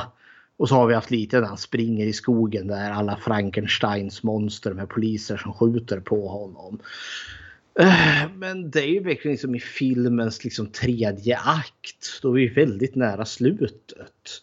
Jag menar i tredje akten då går det... Då, då är det ungefär... Den går från laboratoriet, springa i skogen, laboratoriet, springa i skogen. Till mm. sjukhuset där François har hamnat. Sen till begravningsbyrån, mm. till sjukhuset, begravningsbyrån. uh, vad är det sen? Huset, labbet, huset, begravningsbyrån. Huset, skogen, huset, labbet. Slut! Slut! jag, jag hade så när, när jag tittar på filmerna då brukar jag Och nu sen vi började med platserna så har jag börjat eh, skriva att eh, som nu när vi, jag har ett helt, ett halvt A4 där det står labb bara. Och då, då är det liksom ungefär vad som har hänt där och vad som är viktigt och Ja. sådär. Jag menar, på, när han, eh, Alin är där nere på kvällen. Då liksom, och han kör maskinen för att, koppla, Mm. för att sätta ihop polisen och hamsten. Då tänker jag, eller hamsten. Eh, Marsvinet. marsvinet, så heter det. Jag fattar inte, man kan blanda det. Eh, för alltid annars när han kör. Då slocknar det ju i huset. Lamporna Mm. låter och så. Men när han kör då är det ingen som reagerar. Nej. Alla bara ligger och sover. Jajamensan. Och jag menar det är ändå ett ganska högteknologiskt hus för sin tid. Det är, Det är elektriska lampor, det är flera, flera öppna spisar och jag menar det är ju inte så att det här är en arbetarbostad. Det här är ju grädda, Nej. gräddarnas grädda. det finns inte mycket att säga tycker jag. Alltså det är majoriteten det här. Alltså filmen utspelar sig i laboratoriet. Och det är inte särskilt minnesvärt alls. Eh, så jag har inget mer att säga om platserna. För att det är inte så mycket att anmärka på tycker jag. Nej, platserna är så här smått betydelselösa. Det är som du sa, det, det är bara kulisser. Ja. De bara är. Eh, ska vi gå till hotet då? Eller hoterna som Ja, finns i den eh, här? jag skulle säga att det finns två hot. Dels är det ju flugan i sig. Mhm. Som är eh, ett hot mot vissa. Och sen har Mm. vi eh, Ronald. Alltså spionen där. Som är Mm. eh, det andra hotet. Har, Jajamensan. har jag fått med alla hoten då? Ja, jag tycker jag. Eh, alltså för det är ju, det är ju den kombinationen. Eh, för det är, ju, det är ju egentligen majoriteten Roland och hans kriminella verksamhet som är liksom huvudhotet. För det är ju det är också han som gör att eh, blir en fluga. För det är han som slår ner honom och stoppar in honom i telepatorn. Och sen bara för att han är elak fångar han en fluga. Och slänger in den i teleporten och teleporterar bort han. Bara liksom haha! Eftersom att jag är en skitstövel. Eh, majoriteten är ju liksom fixerad vid, vid Roland och hans eh, skumraskaffärer och hur han försöker genomföra dem. Och det är det som jag faktiskt var investerad i. När, efter att han har mördat polisen där och gjort honom delvis eh, hamster eller marsvin. Eh, och liksom hur han ska forsla bort liket och hur han måste ta hjälp av den här Max. Och, alltså jag, det tyckte jag var intressant. Liksom, för det, det var någonting nytt också. Och jag gillade de här skumma karaktärerna. Alltså, lite märkligt så satt man nästan lite heja på dem samtidigt som man inte skulle göra det. Och sen kommer flugan, alltså flugmonstret. Dels, och det är liksom, han ska hämnas ihjäl dem och så är de lite osäkra på eh, är det Filipp eller har, han- eller har flugan tagit över? Kommer han liksom bara mörda och härja på? Och så fanns det den här risken att eh, för i den här så lyckas de ju fånga flugan med människohuvudet. Eh, att eh, flugan i sig inte lever så vansinnigt länge. Eh, Så att det finns en tickande klocka. De måste hitta honom igen. Och så finns det hotet att polisen kanske skjuter honom. Och sådana saker. Men Jag för mig jag sa upp till 14 dagar som längst. ja, något sånt där. Om det är rätt värme och rätt eh, temperatur och hit och dit. Eh, Eh, det ska man väl ge den här filmen för det, det, det löser ju sig här för de lyckas ju teleportera honom igen och så tillsammans med den här flugan då, så att han blir eh, sig själv igen och allt blir jättebra. Eh, jag vill... Jag, eller, vad tycker du om hoten? Normally, being a little extra can be a bit much, but when it comes to healthcare, it pays to be extra. And United Healthcare makes it easy with Health Protector Guard fixed indemnity insurance plans. Underwritten by Golden Rule Insurance Company, they supplement your primary plan, helping you manage out of pocket costs without the usual requirements and restrictions like deductibles and enrollment periods. So when it comes to covering your medical bills, you can feel good about being a little extra. Visit uh1.com to find the Health Protector Guard plan for you. I'm Sandra, and I'm just the professional your small business was looking for. But you didn't hire me because you didn't use LinkedIn jobs. LinkedIn has professionals you can't find anywhere else, including those who aren't actively looking for a new job but might be open to the perfect role, like me. In a given month, over 70% of LinkedIn users don't visit other leading job sites. So if you're not looking on LinkedIn, you'll miss out on great candidates like Sandra. Start hiring professionals like a professional. Post your free job on linkedin.com/people today. Så det, du har sagt nästan allting. Jag, jag, jag satt och häls, hejade på Ronald. Det var, jag tänkte så här, åh, kan det inte hända någonting? Kan du inte skjuta någon uh, Cecil i huvudet så det blir lite slagsmål Oh, eller? Vilken film det skulle ha varit! Wow! Ja men tänk dig vilken skillnad. Han tar koll på sin eh, eh, medarbetare snedstreck kompis fru. Och liksom nej det var flugan. Då, Flugan kan inte hantera pistolen. Det kan den här. Ja. Nej men eh, då hade den här filmen tagit en helt annan vändning. Då hade ju labbet liksom blivit en biplats. Och de kanske hade jagat honom i skogen hela filmen. Typ så. Ja, men alltså samtidigt för det, jag, jag gillar Roland som karaktär och samtidigt vill jag se han åka på till slutet för han är en väldigt charmig skurk. Eh, ha- och Den skådespelaren David eh, Frankham. Alltså han, han lyckas spela det så väl. Man kan se att han, han tycker det är kul att spela elak. Eh, så man vill också se han åka på till slutändan. Helt klart. Alltså jag, jag vill prata om specialeffekterna i den här filmen. För det är sånt jäkla steg ner från första filmen. Och då förstår jag liksom inte. Ja, för, för flugan i, i första filmen. Dels får vi inte se den. Alltså det väl, tar väldigt lång tid innan vi får se alltså flughuvudet. Vi får ju se klon oftare än vad vi får se själva huvudet. Men när det väl liksom 58 och vi får se det i färg. Det är jäkligt effektfullt alltså. ja, ja. Men i den, men i den här. Eh, här? Vad har hänt? Alltså, flughuvudet i första filmen är ju liksom någorlunda liksom stort som ett människohuvud.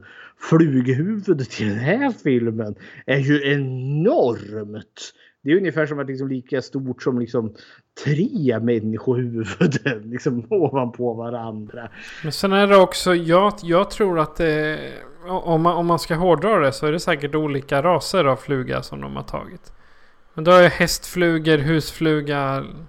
det ser dåligt ut i vilket fall som helst tycker jag. För det här ser verkligen ut som ett sånt här pl- plastmask som någon har dragit. Alltså det, det är fult helt enkelt. Ja, fult är det men jag tycker det är ganska detaljerat och jag gillar Ja. ändå utsikt, utseendet. Det, det ska jag ge den. Alltså jag har sett betydligt sämre 50-tals monster makeup än den här. Det, det, det, det är helt klart. Den är, det är fullt med detaljrikedom i den. Men det, ja. Men något som var jäkligt taffligt var ju liksom när man ska se flugan med Philips huvud. Det är liksom bara Ja. stillbild på en fluga och så har de liksom eh, bara liksom transferat in hans huvud på den här flugan. De hade väl inte råd med mer eller tekniken till mer. Ja, men alltså, jag tänker i första filmen där hade de ju liksom en specialeffekt ändå. En skådespelare som de liksom sminkade upp. Men det kostar väl lite för man mm, påkostade flugan. Och jag tänker att Return of the Fly hade inte ens en bråkdel utav budgeten. Eh, utav den här filmen. Ja. pff. Har vi då slutord om Return of the Fly? Ja. Eh, Jag ska säga att den är inte lika bra som den första filmen. Helt klart. Nej.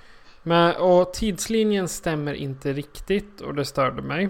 För första filmen utspelar sig 1958. Då den, eh, då den spelades in alltså. Och den andra filmen, eh, enligt den då så har det gått 15 år. Så då skulle det vara 1973. Och jag ser inga diskokulor, jag ser inga slimmade diskobyxor, jag ser ingen John Travolta. Nej. Men jag gillar allt som har med Vincent Price däremot. Och det, det är typ det enda som lyfter den här filmen. Och för mig så jag ger den här 7 av 10. Och hade inte okej. Vincent Price varit med hade den fått 4 av 10. Ja, nej men alltså jag... Eh, markant sämre än förra filmen. Alltså det är en jätteskillnad de två sinsemellan. Eh, jag tänkte just det här med tiden att eh, Philip har ju vuxit upp men eh, Vincent Price har bevisligen inte åldrats en dag under de här 15 åren. De kunde liksom inte ens göra hans hår lite vitare. Men ja, sak samma. Alltså, jag tycker första halvan är mer intressant än när flugmonstret kommer till och vi får monster action. Jag är mer intresserad av de här gangstrarna eh, Roland och hans kollega där hur de ska lyckas sno eh, ja, grejerna här. Jag tyckte det var kul liksom vad hände sen när de byggde upp labbet. Men sen när det blir den här monster klassiska monsterfilmen alla universal. Nej, då tappar jag det. Och vart ointresserad. Så det här, men det är fortfarande ingen dålig film på så sätt. Det är liksom en slentrianmässig uppföljare.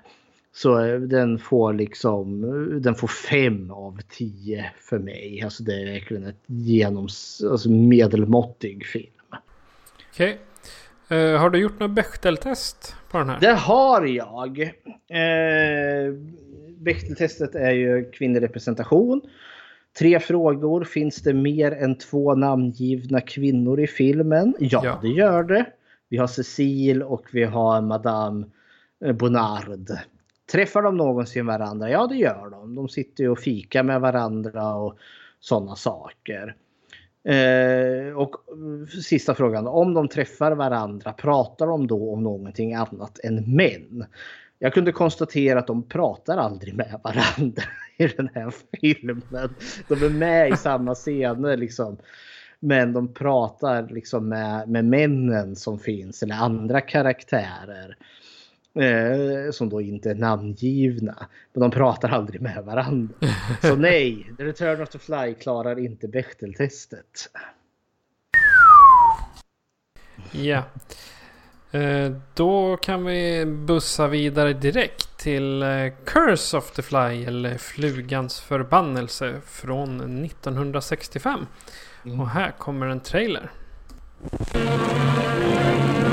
The terror shock that can't be stopped.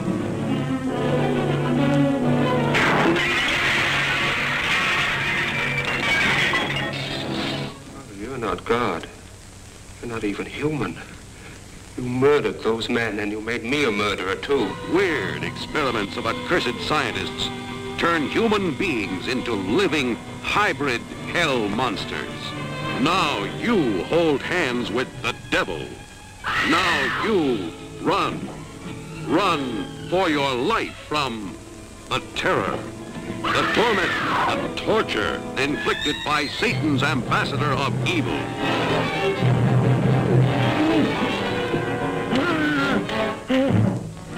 Next victim could be you. Or you. Or you. Caught forever by the curse of the fly. Och det är alltså trailern till Curse of the Fly. Och jag har inte hittat en enda vettig plott till den här.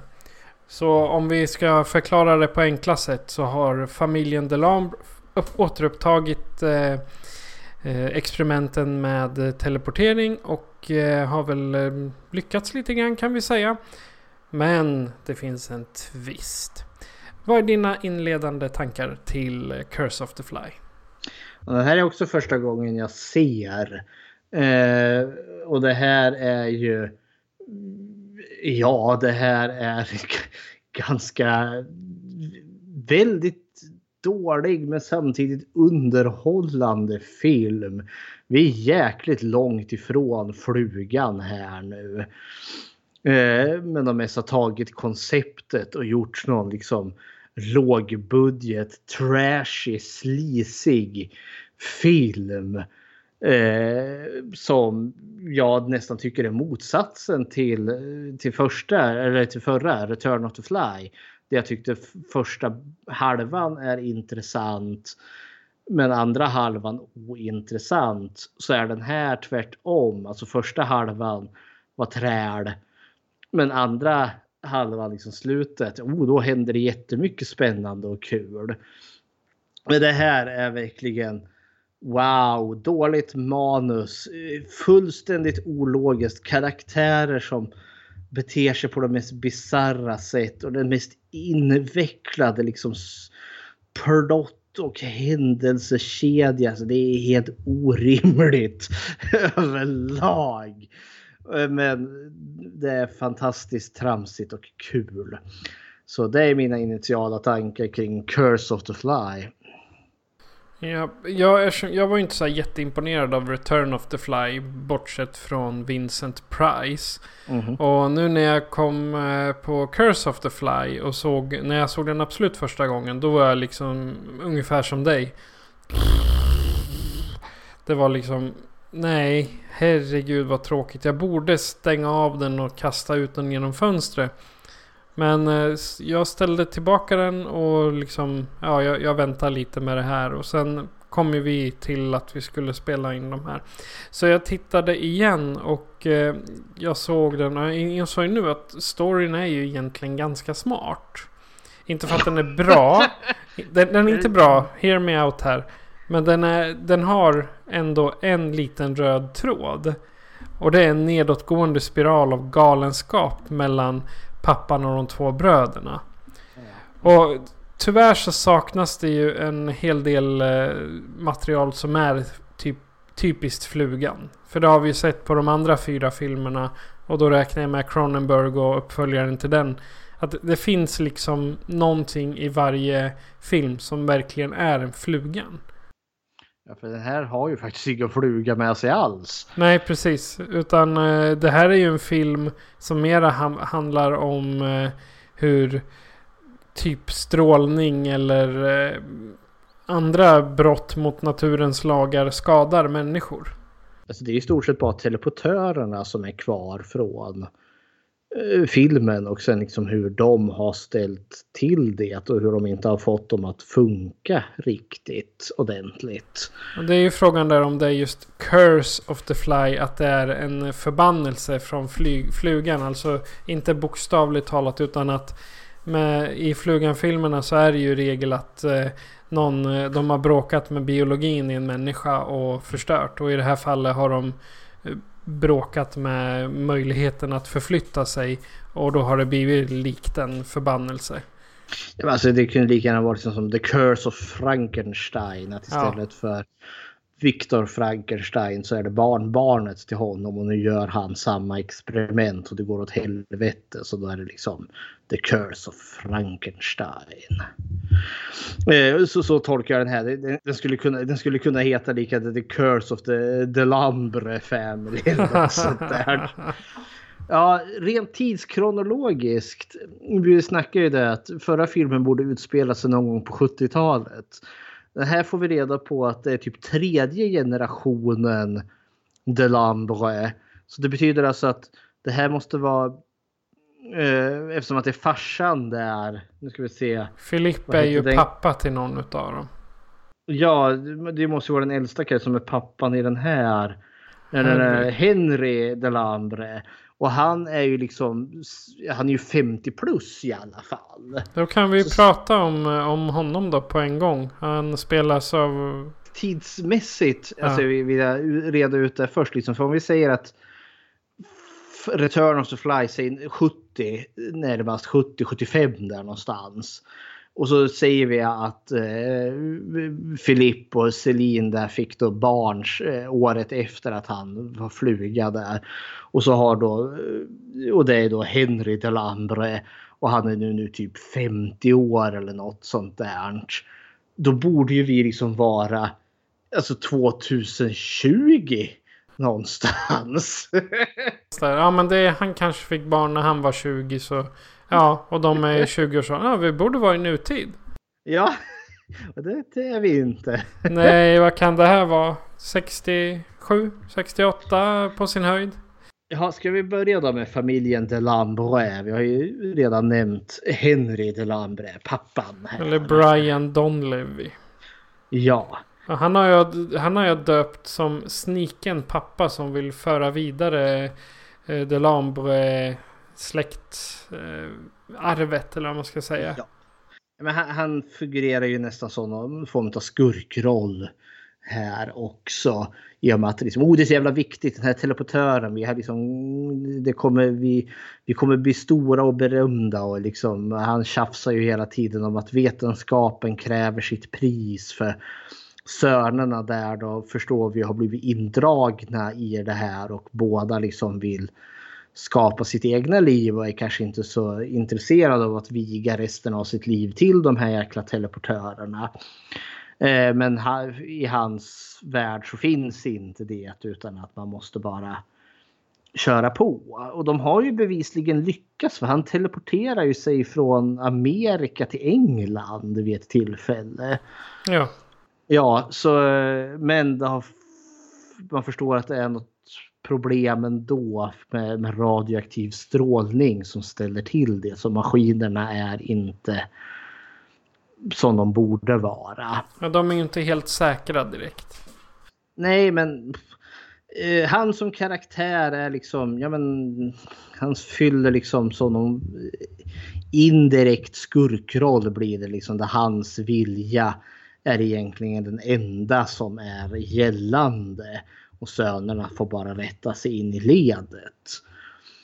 Eh, men han spelar ju inte direkt otäckt. liksom som att, liksom att ja, jag skriker och vrålar, jag är tyrannen här. Utan han är ju ganska, har sympatisk tonläge och liksom ser ganska trevlig och snäll ut. Så, men ja. Hm. Bara ni gör som jag säger ungefär. Ja, ungefär så. Han liksom kan manipulera lite på, på ett mer trevligt sätt. Eller ja, utan att liksom med hot. Då. Och ja, Jaha, eh, nu ska vi försöka hålla isär sönerna här. Ja, du har Martin DeLambre, det är han, eller George Baker, det är han som bor eh, med Henry. Och det är, okay. det, de är ju i eh, eh USA. Martin och Henry, de är i USA. Är och, ja, och äh, i London så har du Albert DeLambre. Okej, okay. se där. Ja, det den yngre och den äldre brodern. Precis. Martin är den äldre. Och och. Eh, det, det, det är ju den äldre brorsan som figurerar mer som huvudrollsinnehavare. Han är ju den mest centrala. Ja, och tillsammans med tjejen Patricia. Eh, som han träffar. Eller Carol, Carol Gray. Carol Gray där. Eh, den yngre... Albert. Ja, alltså, Albert är väl liksom... Han vill bli fri. Han vill bli fri, men det vill den äldre brorsan också bli. Men pappan håller fast dem. Ja, den yngre brorsan har inte mycket mer än så, liksom att han är indragen i det här teleportör tjosan-fräset och har tröttnat på då. Eh, jag vill bli fri, jag vill bilda familj, jag vill leva mitt liv och sen får vi inte så mycket mer av det. Nej, det är typ det enda han gör, då gnälla om det. Ja, men visserligen. Det, det kommer in ganska väl i filmens slut sen. Då det spinner eh, ganska väl på hur trött han är på skiten. Men alltså nej, det är inte mycket karaktär att prata om. Inte Albert i alla fall. Nej, den äldre är ju lite mer, alltså Martin där han eh, är ju... För han liksom får ju liksom, han ska ju vara liksom den här ja, huvudkaraktären. Han är ganska trevlig och dan. Men närmare slutet så förstår vi ju att han och farsan, alltså de har gjort ganska hemska experiment. Ja. Jag menar, Martin har ju sin fru Judith Delambre spelad av Mary Manson. jag hade ja. inte, jag, jag har bara skrivit upp de eh, centrala karaktärerna ja. så jag har nog Nej men eh, hans fru förstår vi hålls liksom i, i ett stall ute på gården för självklart bor de i en jävla herrgård. Eh, och de har teleporterat henne och det har gått käpprätt åt skogen så hon är vanställd där då. Eh, och det har han gjort och verkar inte ha större problem med att hålla henne ute där. Och sen har de gjort det på två betjänter också. Och, och sen när det börjar hetta till lite där på slutet så kommer ju farsan där. Liksom, ah, vi måste ju mörda alla så att ingen kan sätta dit oss. Vi måste skydda verket. Och han, hans sonen bara ja då, nu kör vi. så han, han, gick lite från att vara den här, ja men han är nog våran huvudperson men till att bli, ha väldigt lätt för att mörda folk. Men just motivering, ja men de är ju inte människor. De har ju teleporterat dem och det vart ju tokigt och då, då, då är de inte riktigt människor. Nej. ja, nej, det, så är det. Men eh, Patricia då, eller Patricia mm. Stanley som hon egentligen heter, Carol Gray. Det man inte vet i början, för hon håller på att springa på en väg och ute runt i skogen i bara underkläderna. Och, det absolut första vi får se, alltså hon pajar ju en ruta. Ja. Eh, slår sönder en ruta och så hoppar hon ut genom den. Ja. Och springer i skogen. Nu endast iförd trosor och bh. Vilket fick mig att rycka till lite för jag tänkte oj, här är det ju nästan naket. Vilket fick mig att känna att vi, vi lägger nivån ganska låg direkt. ja. Nej, det, det, det, jag gillar i introt det är musiken. Och mm. för, för den som tänkte lite så i, i början av avsnittet här då så hade jag klippt ihop eh, musiken ifrån eh, introt till Curse of the Fly och eh, dialog ifrån eh, Return of the Fly. Mm. Så de, de passar liksom bra ihop ansåg jag. Men jag gillar mm. musiken där i introt. Det, den är ganska bra. Sen att hon håller på att skutta runt i skogen i bara underkläderna. Det är liksom... Hä? Alltså grejen alltså, vi, vi, vi måste ju komma in och börja prata den helt ologiska handlingen. Men alltså river av karaktärerna lite snabbt. Hon, hon, hon har rymt från ett mentalsjukhus eh, och är tokig tydligen. Eh, och just också, vad är det? Hon är hysterisk. Ja, Vi har precis. en återkoppling till det. Att, ja, den här ja. kvinnosjukdomen som finns. Ja, och så de kvinnor som råkar ha en egen vilja. Oj, ja, oj, nej, det går inte för då är de hysteriska. Men i den här mm. filmen så är det ju liksom som att eh, vid något tillfälle händer det något och hennes nerver gick sönder. Nu är hon då inom situationstecken hysterisk. Och, och, minns, och hon måste liksom hållas om hand. Hon är som en skör liten porslinsdocka. Vänder vinden allt för kraftigt då, eh, då går hon sönder. Eh, och pff, jag vet inte, det, det, det, är hennes karaktär och sen är det hon som springer omkring och skriker eh, när det händer otäckhet. Men det är också, vad är det, hon börjar lägga märke lite till konstigheter i familjen Delambres hus. Ja. Men, men blir inte, ja de försöker ju mörka det medvetet som att nej men du är nog bara sjuk i huvudet. Eller du har bara drömt. Det är dina sömnpiller som lurar dig. ja, men de försöker liksom tutta in att liksom, men nu kom ihåg, du har ju faktiskt rymt från ett mentalsjukhus. Så du, du kanske är lite tokig ändå. Jaha, tänk så knasigt.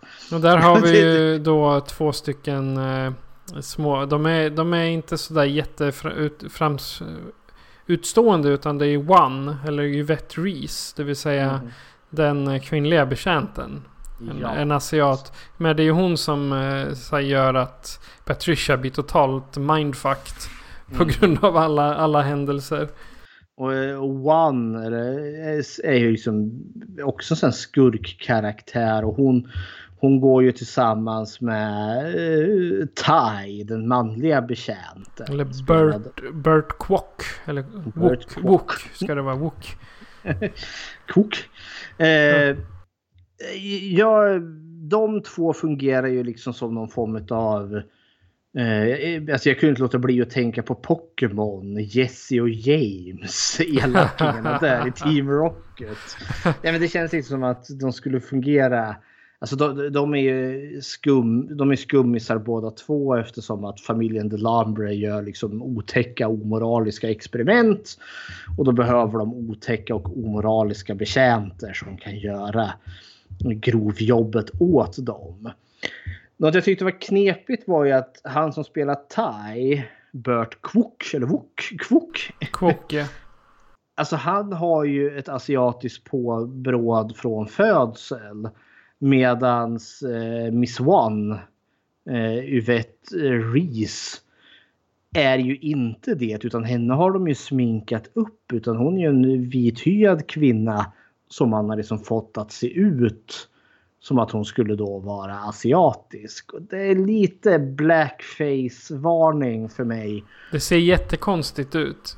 Det ser ju bara mer ut som om hon har slintit med vad heter det, ögonskugga och valt fel färger att kombinera eller mm. vad som helst. Det, det, ser inte ut som om hon är asiatisk. Nej, och jag blir lite obekväm med det. För det här är liksom en liten återkoppling till liksom den rasism som ändå så fanns. Alltså, istället för att liksom hitta en asiatisk kvinna som kunde spela den här rollen så tar vi oss en ljushyad människa och sminkar upp henne. Och det är lite också just varför ska de vara asiater, de här otäcka betjänterna? Är det liksom för att ja, men få det här främmandeskapet? Liksom, oh, de är ju inte vita som du och jag. Därför måste de ju vara onda. Ja, problemet är väl att under den tiden så var det ju Vietnamkriget. Och det var ju mitt i Vietnamkriget. Det pågick ju mellan 55 och 75. Och jag menar alla asiater var ju mindre värda då. Jag vet inte, de hamnar väl i interneringsläger då till och med? Om jag inte Nej, minns helt fel. Nu ska du inte blanda, det är eh, i, i, i, under andra världskriget. Det var andra världskriget ja. Ja, ja. ja men fan de, de, har haft så mycket krig där så det... ja, ändlöst krig i Amerika. Ja. Eh, har vi någon mer? Jo, eh, vi har ju en polis eh, som jag inte skrev upp vad han hette inte. Inte, inte jag heller. Jag, jag kunde inte... Jag, jag, tror aldrig de säger hans namn. De säger Nej, officer det, bara. Det finns en polis som fungerar där som någon och skyndar på storyn. Och så har vi hon Madame Fournier. Eller vad hon heter. Eh, föreståndarinnan för mentalsjukhuset. Ja, men också en sån här liten skugga på väggen bara. Ett stu en ja, stund som bara fanns för att liksom ge någon form av förklaring till den enormt bristande logiken som finns i den här filmen. Mm. Eh, för hon är ju då föreståndarin, föreståndarinnan eh, för det här mentalsjukhuset som Patricia har rymt ifrån. Ja. Men du förstår, det här är ett sjukhus med anor. Oj! Det är ett privat sjukhus och vi har, det är så fint så, så det är inte klokt. Vi har haft så, många kändisar här säger Jajamän, så de har ju liksom ett rykte att upprätthålla. Så därför tog det bara en vecka innan hon gick till polisen och anmälde ja. att hennes patienter har rymt. Ja, annars hade det varit ett annat sjukhus då hade de inte anmält det alls kanske. Eller jag tycker då anmäler man det direkt. För det här liksom att sitter de och väntar på att liksom Patricia ska komma tillbaka. För jag tänker, är de ett sjukhus med anor där de har rika och mäktiga släkter liksom som finns där. Liksom, då kan man ju tänka sig att eh, Patricias släkt och familj kanske blir lite yxtokiga om de får höra liksom jaha min, min dotter har alltså sprungit iväg och det tog dig en vecka innan. Alltså du kan ju räkna med att bidragen upphör. tänker jag. Men nej då. Alltså den här filmen är full med jättestora frågetecken tycker jag. Det är massvis med plot holes. Det är ja, och det är helt fantastiskt. Eh, innan vi kommer till dem, ska vi ta platserna? Ja, nu, nu ska vi se. Jag har... Eh, dels är det två labb. Mm. Det är ju, de kan jag bara kalla labb. Det är London och eh, Quebec.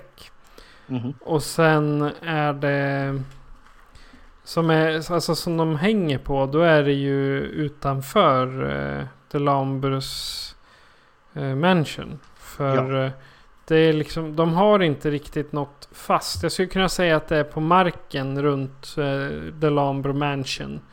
Det är väldigt mycket herrgården och dess omgivning. Ja, de är inte så mycket inomhus.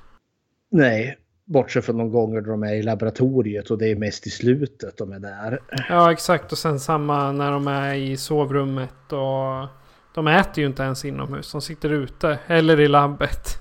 Ja, det...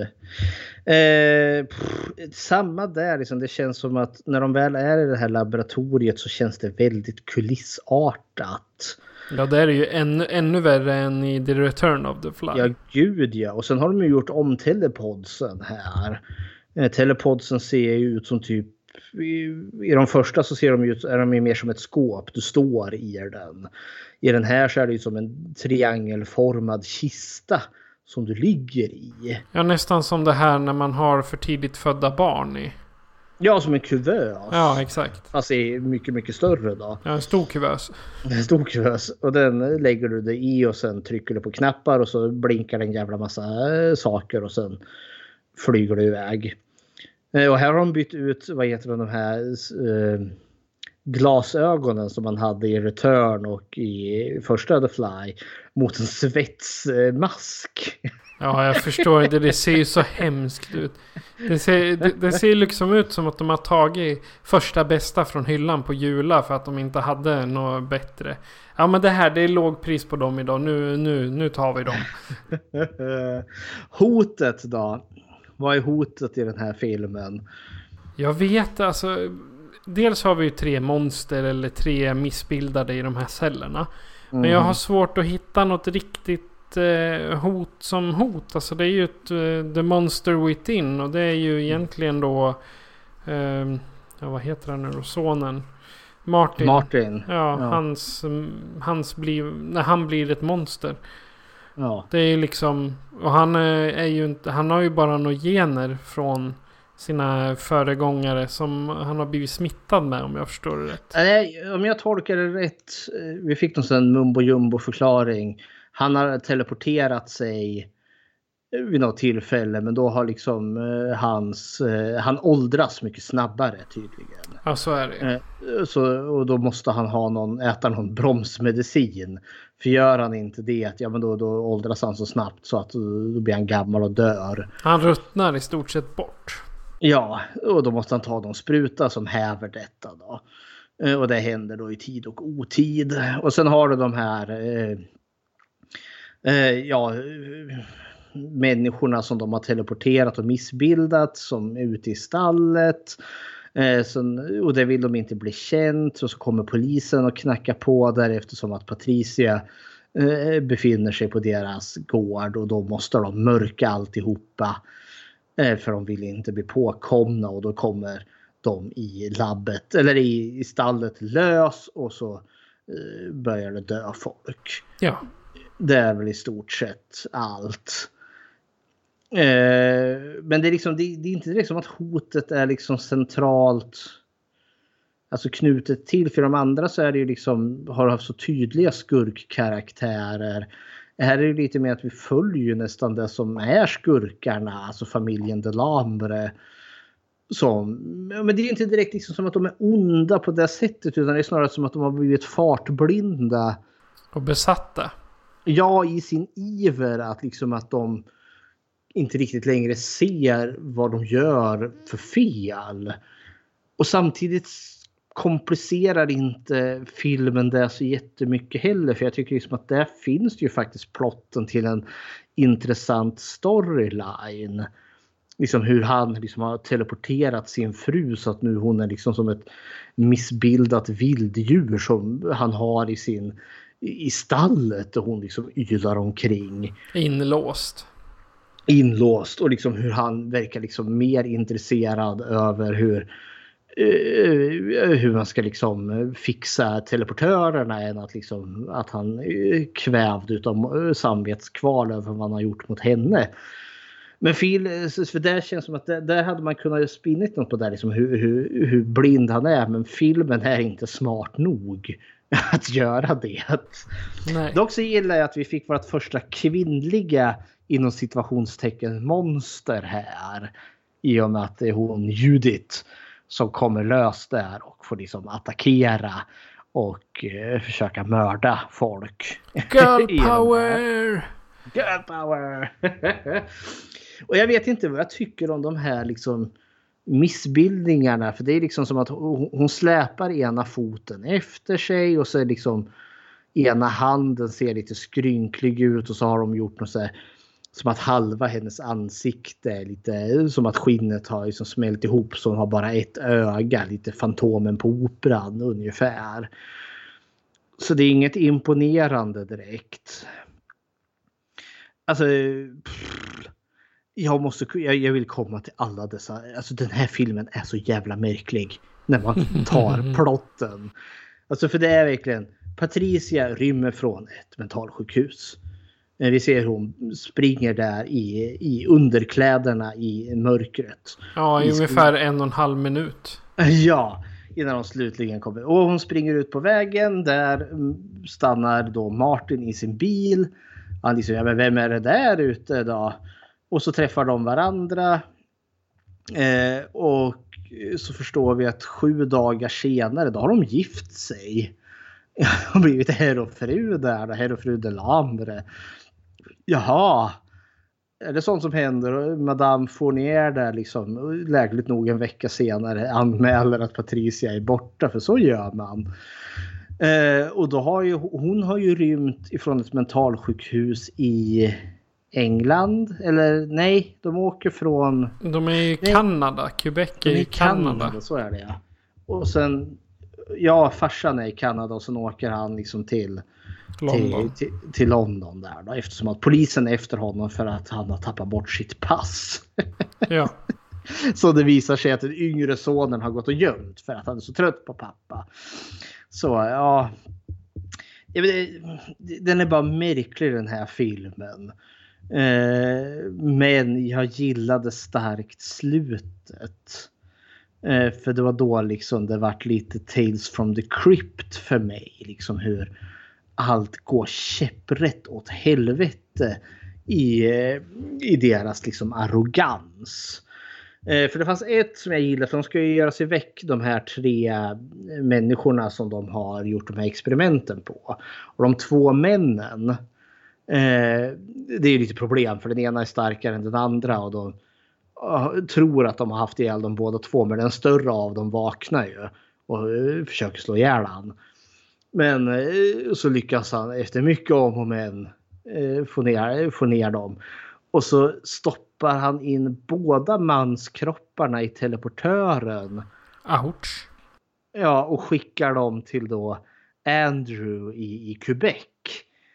Eh, och det tyckte jag var ganska effektfullt för då har ju teleportören sammanfogat de här två männen. Ja, du säger bara pang. Så det är ju Ja. skit kvar av allting i London.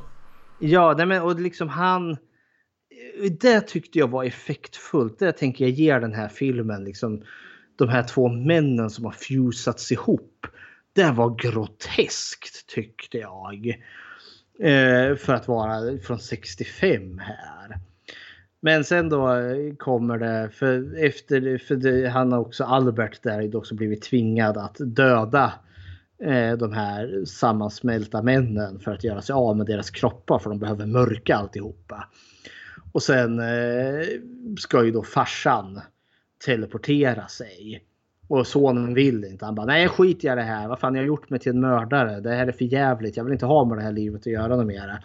Och så säger de bara nej men nu har vi förberett det här och nu skickar vi pappa. Och han liksom bara nej men, nej, men det kan ni inte. Och så bara lägger de på luren. Lyssnar inte på honom. Och så ser man liksom hur han teleporterar. Han lägger sig där liksom. Haha, nu flyr vi rättvisan här för. Och så teleporteras han bort. Och så liksom eh, ringer ju då Martin, eh, den yngre brorsan där för att höra om farsan kom fram. Och så får vi bara se, han, han ringer där, men svara då! Och så får man bara se hur Andrew, eller Albert, sitter där och gråter med en inzoomning på och så ser man hur han, hur han reser på sig och, så, och så zoomar det ut och vi förstår att Albert har ju trashat labbet. Han har slagit sönder teleportören. Han har liksom bara i, i, efter att han dödar de här två sammansmälta männen som ligger där död med en yxa i bröstet, vilket jag också tyckte var groteskt och effektfullt. Så att det fanns ingen teleportör så farsan hade blivit bara teleporterad rakt ut i ingenting. Han har bara upphört att existera. Det, då satt jag liksom och tyckte wow, det här var jättefräsligt och jätteroligt. För det, jag såg det inte komma alls. Och jag tyckte det var effektfullt som bara den. Och så lång historia kort. Eh, Martins eh, föråldrande kickar igång där helt plötsligt. Och han har ingen medicin och han springer omkring och drar i den här stackars Patricia som vrålar och skriker. Och, och i slutändan så faller han ihop i en hög. Och hon, polisen som har sprungit omkring där av någon jävla anledning eh, hittar henne. Och så går de tillbaka. Och vart är han? Och så går de tillbaka där han föll. Och så ligger det bara en hög med skelett där. Bam, bam, bam. Och så slutar den med eh, texten. The end. Is this the end? Frågetecken. Som liksom hint om att det kanske kommer en till uppföljare. Nej, det gjorde det inte. Nej, det var väl ingen som ville göra en till uppföljare. Jag menar, de urholkar ju totalt där. Ja, det här, jag kan tänka, nu har jag inte läst på hur det gick för den här filmen, men jag kan tänka mig att den här tankade ganska hårt. Men jag ska nog villigt erkänna att jag var nog faktiskt lite mer underhåll av Curse of the Fly än vad jag var The Return of the Fly. Eftersom att den är så jävla märklig, så jävla trashy och har sådana logiska problem. ja, nej. Mm det är dålig film med dåligt manus och det mesta är dåligt. Men det var underhållande dåligt. Ja. Alltså Curse of the Fly, det jag säger som dig, det var förvånande underhållande. Men eh, om man säger bortsett från att vara de här ostiga B-rullarna som fan, kom på 60-talet så jag uppfattar den här filmen faktiskt eh, har en lite bättre storyline än den genomsnittliga B-filmen bara. Och det märks, alltså det, det, märks, i alla fall måste du hålla med om att manusförfattaren hade rätt så kul när han i sin eh, marijuana stinna dimma skrev det här manuset. Det var väl typ så han eh, kom fram till det. Ja, det känns som att det här är, det är, det är som en, eh, en 12-åring har skrivit det här ja. manuset. Och sen tyckte jag det var kul med, med Tai eller Bert Kwok. För det är han som spelar Kato i Rosa Pantern-filmerna. Jaha. Det var, för jag tyckte jag kände igen honom på en gång. Så att det... Ja, nej men De... det, det, det, det, är så, det är ett så pass tydligt slut. Alltså, ja nu dog han. Bra. Är det här slutet? Ja. Så, det är det. ja, för mig så den här får 6 av 10 från mig. Trots eh, avsaknaden av Vincent Price. Men eh, mm. jag skulle säga att musiken i den här är det som lyfter hela filmen det, här är, det, här är, det här är skräp. Tänker jag säga. Skräp med bra musik, det är liksom skräp, det enda. Skräp med bra musik. Nej, men det, det här var underhållande skräp. Eh, jag tänker nog att den här får samma betyg som förra. Den får 5 av 10. Men den här var mer underhållande på ett B-sätt än vad eh, Return of the Fly var. Så, det var det. Ja. Har du gjort Bechteltest på den här? Det har jag. Eh, två namngivna kvinnor. Ja, vi har Patricia, vi har Miss One och vi har Madame Fournier och vi har Judith Delambre. Så det har vi. Möter de någonsin varandra? Ja, Judith och Patricia möter varandra. Men Judith pratar ju inte. Eh, Patricia och Miss Van möter varandra. Och de pratar med varandra. Och då gör de det om annat än män. Jag tror liksom Patricia pratar bland annat, nej, eh, Miss One pratar bland annat med eh, Patricia om exfrun Judith där. Så då klarar den här eh, B-filmen Curse of the Fly klarar Bechdel-testet. Yay! Yay! Okej. Men om eh, du som lyssnare då har någonting att säga om Curse of the Fly, Return of the Fly, positivt, bra eller eh, ja, vad du nu vill. Så kan du göra så här för att kontakta oss. Skräckfilmscirkeln presenteras av Patrik Norén och Fredrik Rosengren. Besök skräckfilmscirkeln.com för att se hur du kan kontakta oss, var du kan följa oss och hur du kan stödja oss. Lämna gärna ett betyg på iTunes, Spotify eller Podbean så att fler kan njuta av våra diskussioner. Tack för att du lyssnar! Och Fredrik, vad kommer i nästa avsnitt? Ja, nu eh, i och med att vi lever i sådana tider som vi gör med coronan eh, som är då en global pandemi så känns det ju som att eh, man kanske borde titta lite på det här, på pandemier. Så då eh, kommer vi att se Pestens tid utav Stephen King från 96 vill jag säga att den är gjord.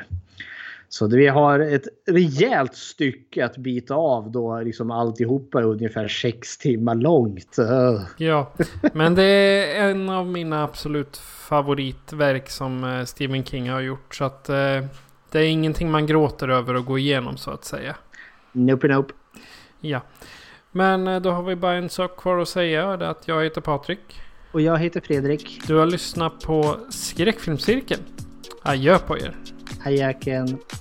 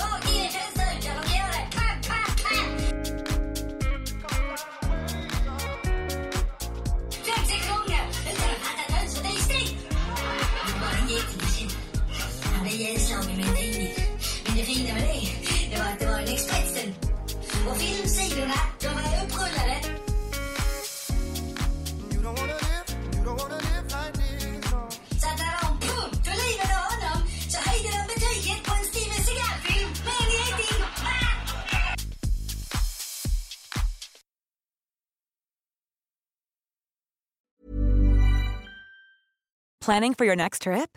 Elevate your travel style with Quince. Quince has all the jet setting essentials you'll want for your next getaway, like European linen, premium luggage options, buttery soft Italian leather bags, and so much more. And is all priced at 50 to 80% less than similar brands. Plus, Quince only works with factories that use safe and ethical manufacturing practices. Pack your bags with high-quality essentials you'll be wearing for vacations to come with Quince. Go to quince.com slash pack for free shipping and 365-day returns.